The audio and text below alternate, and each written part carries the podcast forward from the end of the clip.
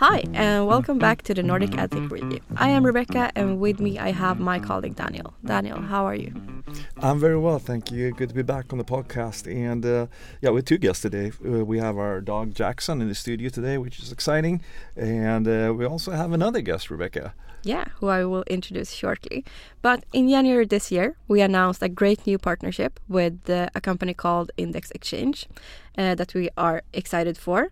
Index is one of the largest exchanges globally. They are headquartered in Toronto with 17 offices worldwide, and they are now together with us at Netric making a major move into the Nordic market. Yeah, it is exciting, and it's a long-standing relationship or partnership. It goes on for the next four years, and it covers uh, eight markets: uh, the Nordic ones, uh, including Iceland and the Baltics. Yes, so with that, we have invited Stéphane Printz, who is Managing Director for Central, Northern, and Eastern Europe, to introduce himself and the company a bit more, but primarily uh, share his insights from himself and the other markets that he's working with. Yeah, some of the trends that will uh, or topics that, that we'll cover uh, will include uh, European trends that we see. Uh, we'll speak about some new emerging formats, CTV obviously, which is still a very very big thing. Uh, out of home space, which is getting increasingly uh, important, but also some of the basic brick and mortar display formats. Yeah, outstream. outstream. so lots of interesting things here. Yeah, it's going to be great. Let's jump into the episode. Yeah let's get right into it. Hi, and welcome to the podcast, Stéphane. It's very nice to have you here in Stockholm. And I was thinking to kick off the episode, if you could start by introducing yourself and your background. Yes, hi. Uh, thank you for uh, having me here. So, my name is uh, Stéphane Printz, uh, working at uh, Index. Where I'm from, uh, I am from France. But uh, I grew up there, went to school, university there, but very early on, I looked for the for the world. So I had stations uh, in Germany, in Ireland, in Russia, in Denmark, and uh, for now over 15 years, I've been living in Berlin, Germany. Cool. And I know you also have a special relationship to the Nordics and uh, where you worked previously. So how did you end up at Index? What's what has your journey looked like?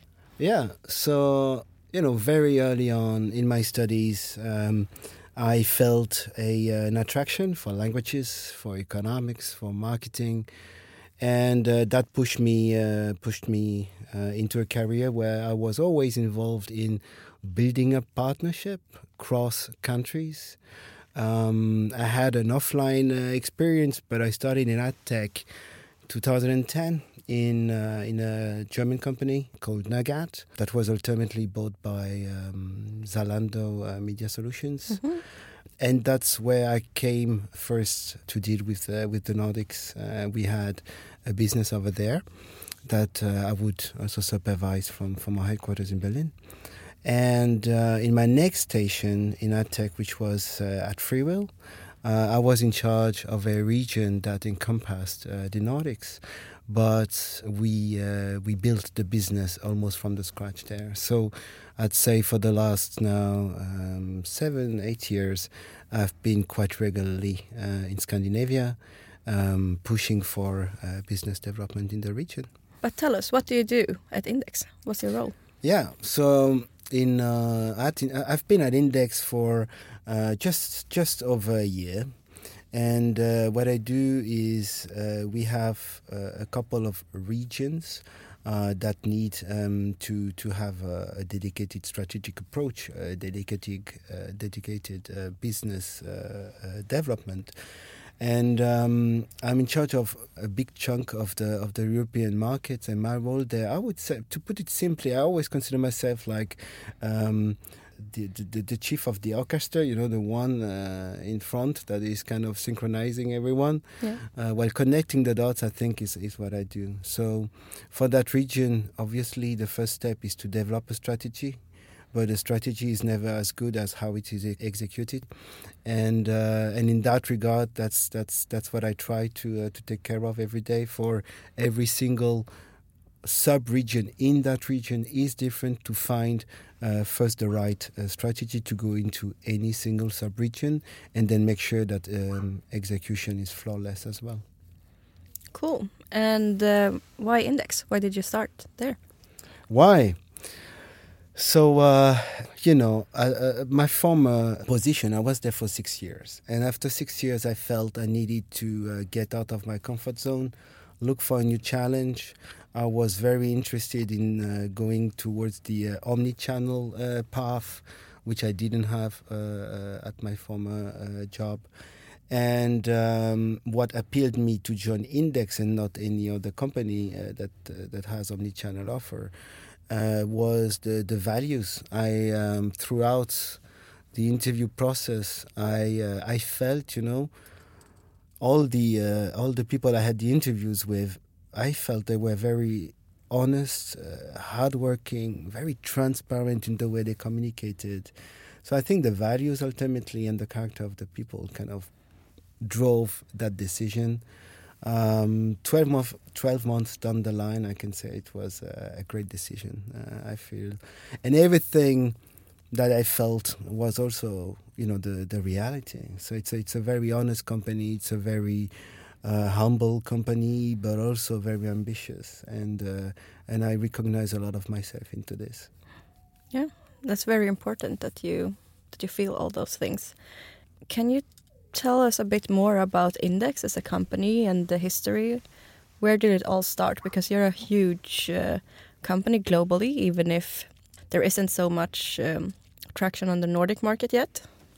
I am not sure it is a known fact, but Index has been around for two decades already. Uh, at the core of it uh, was always the wish to drive the industry, to drive efficiency, to drive uh, transparency more and more. Very early on, we pioneered um, header bidding. Uh, when when when it started, we were one of the strongest pioneer, one of the loudest voices. So to develop new standards, be it in addressability lately or in uh, in in data, at the core of it is the wish I mentioned uh, to be most efficient at scale. And uh, what we are doing today uh, is applying everything that has made us that successful. Uh, in other channels, we try to bring it on to the to the newest uh, channel, be it uh, CTV, native, or other emerging channels. Um, today, Index is one of is one of the of the biggest ad exchanges out there. We work around the globe. Uh, our client base is really across the globe. Uh, and we ourselves, as a company, uh, we were born in Toronto. Uh, and now uh, we operate from uh, 17 offices across the world.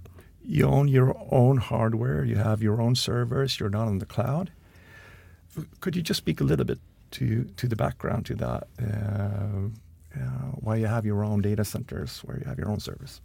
index uh, exchange has been around for 20 years. And if you, you cannot be 20 years in a business without uh, rethinking what you do, without mm-hmm. adapting uh, to the new ecosystem out there. You cannot survive that long without um, being performant all the way through. Yeah. And, and, and, and, and so to say, uh, it is part of our DNA to always reinvent ourselves. So the last iteration of reinventing ourselves was during the pandemics in 2021, where we completely re-engineered uh, our uh, exchange from the scratch. Okay, and now we have this uh, partnership, and uh, we are focusing a bit more on the Nordic market together with you. So I wanted to ask you as well, Daniel. Can you share a little bit about the strategy for 2023 yes, from your end? Yes, uh, I would be delighted to. And uh, we have, for a long period of time, uh, I've known folks at Index for quite quite a few years. So we are very excited that we finally get to be able to work together. And uh, we have now forged a partnership which is strategic and uh, goes on for four years. Uh, the first year being 2023. Right out of the gates for this year, we are in, uh, well, the immediate actions is to speak to our clients over here across this region. And it's not only the four Nordic countries, but we also added the three Baltic ones. Uh, I would say that Iceland is included there as well, even though that might not be the largest market. Um, uh, but uh, it is interesting for us to be able to expand and not only working through the four Nordics.